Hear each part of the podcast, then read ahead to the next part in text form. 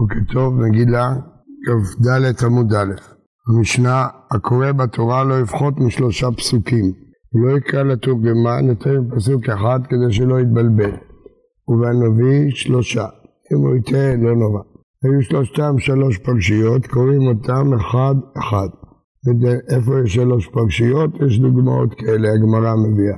מדלגים בנביא, אפשר לקרוא הפטרה משני קטעים במקומות שונים בנביא.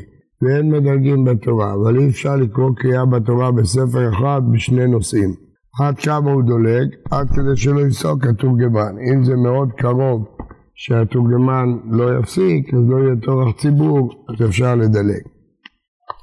הנה שלושה פסוקים כנגד מי, שאמרנו לא יפחות.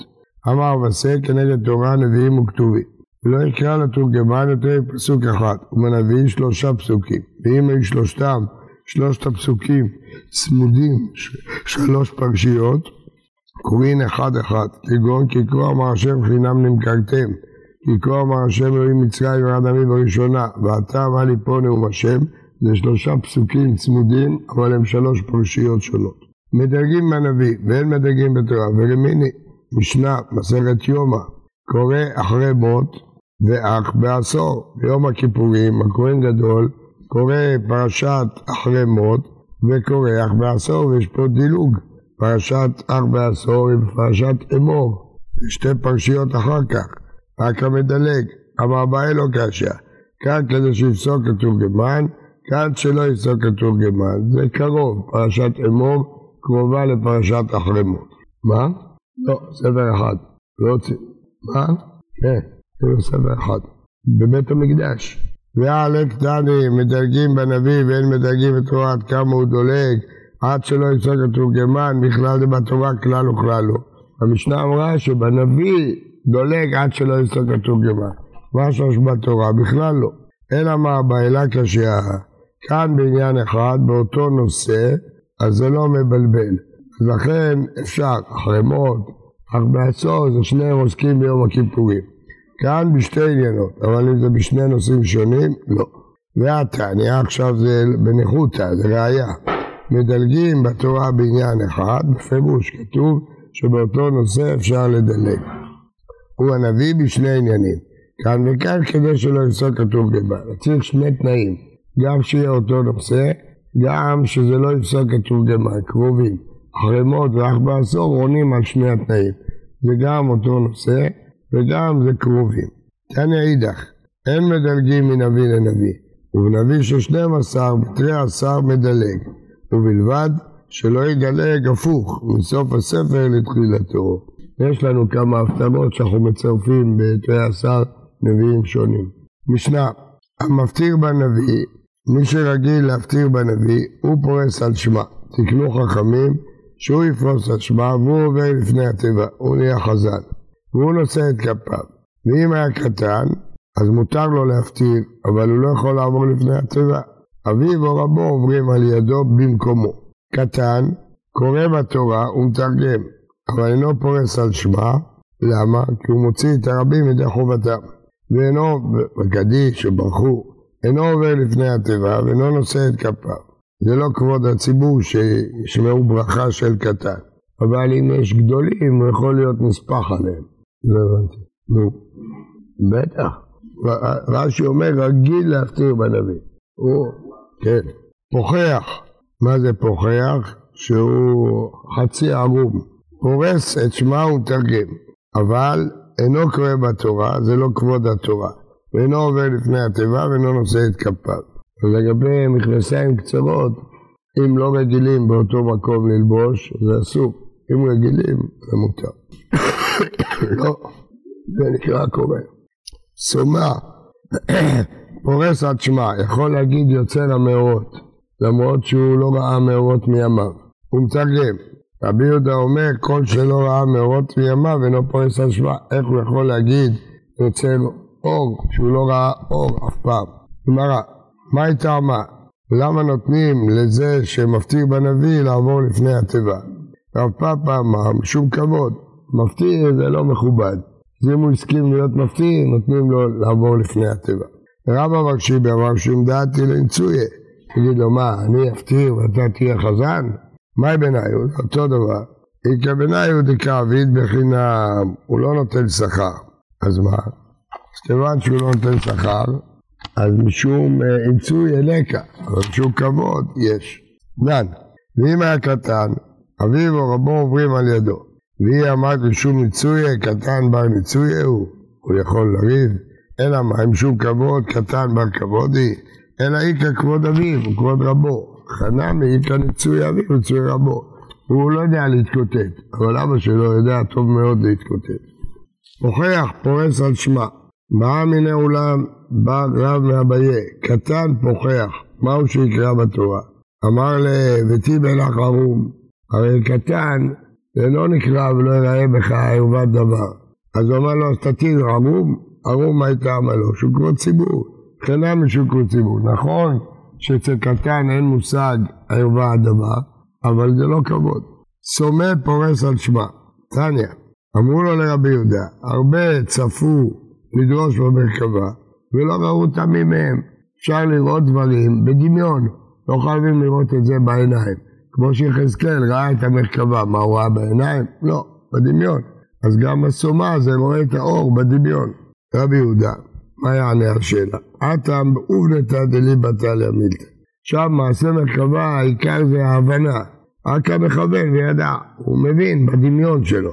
האחה, משום הנאה הוא, יוצר המאורות, הוא נהנה מאור, העלית להנאה. הוא אף פעם לא ראה אור, אין לו הנאה. ורבנן, מה יענו על השאלה הזאת? איתלנה, גם לסומה יש הנאה מהאור, כרבי יוסי. ותנא אמר רבי יוסי כל יום הייתי מצטער על מקרא זה, כתוב בתוכחה, והיית ממשש בצהריים, כאשר ימשש העיוור באפלה. כי מה אכפת לי לעוור בין אפלה לאורה? מה זה משנה בשבילו זה אפלה אורה? עד שבא מעשה לידי. פעם אחת הייתי מהלך בראשון לילה באפלה. ראיתי סומה שהיה מהלך בדרך והבוקה בידו. אמרתי לו, בני, הבוקה הזו עולה בלך, אתה בכך לא רואה. אמר לי, כל זמן שהבוקה בידי, בני אדם רואים אותי, מצילים אותי מן הפחתים מן הקוצים וברקנים. כלומר, הבוקה היא לא בשבילו, בשביל אחרים. לכן יש הבדל לעיוור בין זה אפלה ובין זה לא אפלה. למה באפלה לא רואים אותו, נתקלים בו. אבל ביום אמנם הוא לא רואה, אבל אחרים רואים אותו. אז לכן, גם העיוור יש לו הנאה מהיום. מה הנאה? שאחרים רואים אותו, לא נתקלים בו. עושים לו תאונה, הולך ברחוב, לא פוגעים בו. אבל בלילה פוגעים בו, אז הוא נהנה מהאור. הוא לא רואה, אבל אחרים רואים אותו. איך רואים אותו בלילה? חושך, אפלה, אין פנסים ברחוב. הולכים לישון בחושך, נכון? אז לכן הם... לכן יש לו הנאה מהיום, יוצר אור. הוא נהנה שהקדוש ברוך הוא ברא את האור, שלא פוגעים בו. משנה, כהן שיש בידיו מומים, לא יישא את כפיו. למה? כי העולם מסתכלים בו, והשכינה שורה על ידיהם. או שלא יכוונו, לא יכוונו אם הם מסתכלים בו. יש שני טעמים. רבי יהודה אומר, עם יישאר ידיו צבועות הסטיס, לא יישא את כפיו, ושם מסתכלים בו, הוא צבע, והידיים שלו בצבע, העם מסתכלים בו. תנא, מומים שאמרו בפניו, ידיו ורגליו. זה שלושת הדברים שמסתכלים בו. לפי רש"י, אז מה הבעיה? לפי הרמב"ם, הבעיה שהם לא יכוונו, אבל לפי רש"י שהבעיה שלא יראו את השכינה, השכינה היא בין ידיו, בין אצבעותיו, מה אכפת לי הרגליים? אומר רש"י, מתוך שיראו את הרגליים, יראו את הידיים. מה? אין בעיה. אין בעיה. נכון, כן. לא ראית. כן, לא היו לובשים. אמר בשער בן לוי, ידיו בוהקניות לא יישא את כפיו, לא רק אם יש לו מום, אפילו אם הצבע שלהם לבן, כל מה שאנשים מסתכלים, עקומות, עקושות, לא יישא את כפיו.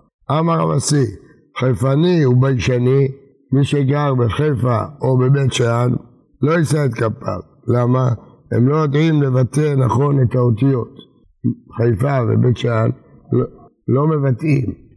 האלף עין זה הפרסים. הפרסים אומרים, יער השם פניו. תניא נמי אחי, אין מורידים לפני התיבה, לא אנשי בית שאן, לא אנשי בית חיפה, לא אנשי טבעונים, טבעון, כדי שקוראים לאלפין עינין, עינין אלפין. אמר לי רבי חייא לרבי שמעון ברבי, אלמלא אתה לוי, פסול אתה מן הדוכן. ושום דעה ויקלח, כמו הקול שלי היום. עבה, זה לא נעים. קול לא נעים. לוי, לוי, לא עולה לדור. אתה שר? אתה לוי? מה אמר לו? תקרא. כהן כתוב פה או לוי? מה כתוב פה, כהן או לוי? לוי, לא כהן. לוי, עולה על הדוכן, צריך לשיר.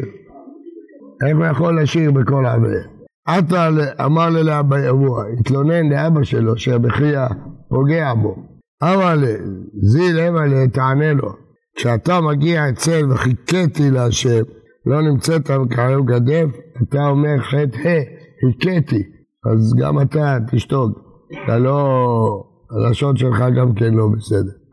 פעם בא בן דוד שלי לסבא שלו בוכה, אומר לו למה? הוא אומר עשה פדיון הבן, אמר לו אחד מי אמר לך שאתה כהן? אז הוא בא בוכה, אומר לסבא שלו מי אמר שאנחנו כהנים? אז סבא אמר לו למה לא אמרת לו מי אמר שאתה יהודי? חזקה, גם אני חזקה. לא, לא, היית צריך לענות לו. אמר אבונה, זבלגן לא יישא את כפיו, נותנות לו דמעות. והא, אמרו דאבה בשיבות אל אבונה, שכן, ואה בפריס ידי למרות שהיה זבלגן, ורבונה שתק. ההוא דש בעירו אבא, כולם הכירו אותו, לא מסתכלים בו. תניא למלאכי זבלגן לא יישא את כפיו, ידש בעירו מותר. אמר רבי יוחנן, סומה באחת מעיניו, לא יישא את כפיו. וההוא דאבה שירותי רבי יוחנן, דאבה בפריס שדה, למרות שהיה סומה באחד מעיניו. ההוא דש בעירו אבא. תניא למלאכי, סומה באחת מעיניו, לא יישא את כפיו. היה דש בעירו מותר. רבי יהודה אומר, מי שהיו ידיו צבועות לא יישא את כפיו. תנא, אם רוב אנשי העיר מלאכתם בכך מותר. היה מעשה פה בכנסת נזר אהרון, אחד שהיד שלו נכנסה בתוך מכונת קמח, קטרו לו את היד, הוא כהן. שאל אותי, מותר לישא את כפיו? אמרתי לו, לא. שאל רב, אמר לו, כן, אתה מכסה בטלית, זה מומים. אמרתי לו, לא, הוא טועה. למה פה יש בעיה אחרת, של נשיאת כפיים, אין לך כפיים, איך אתה נושא כפיים? וככה ההלכה.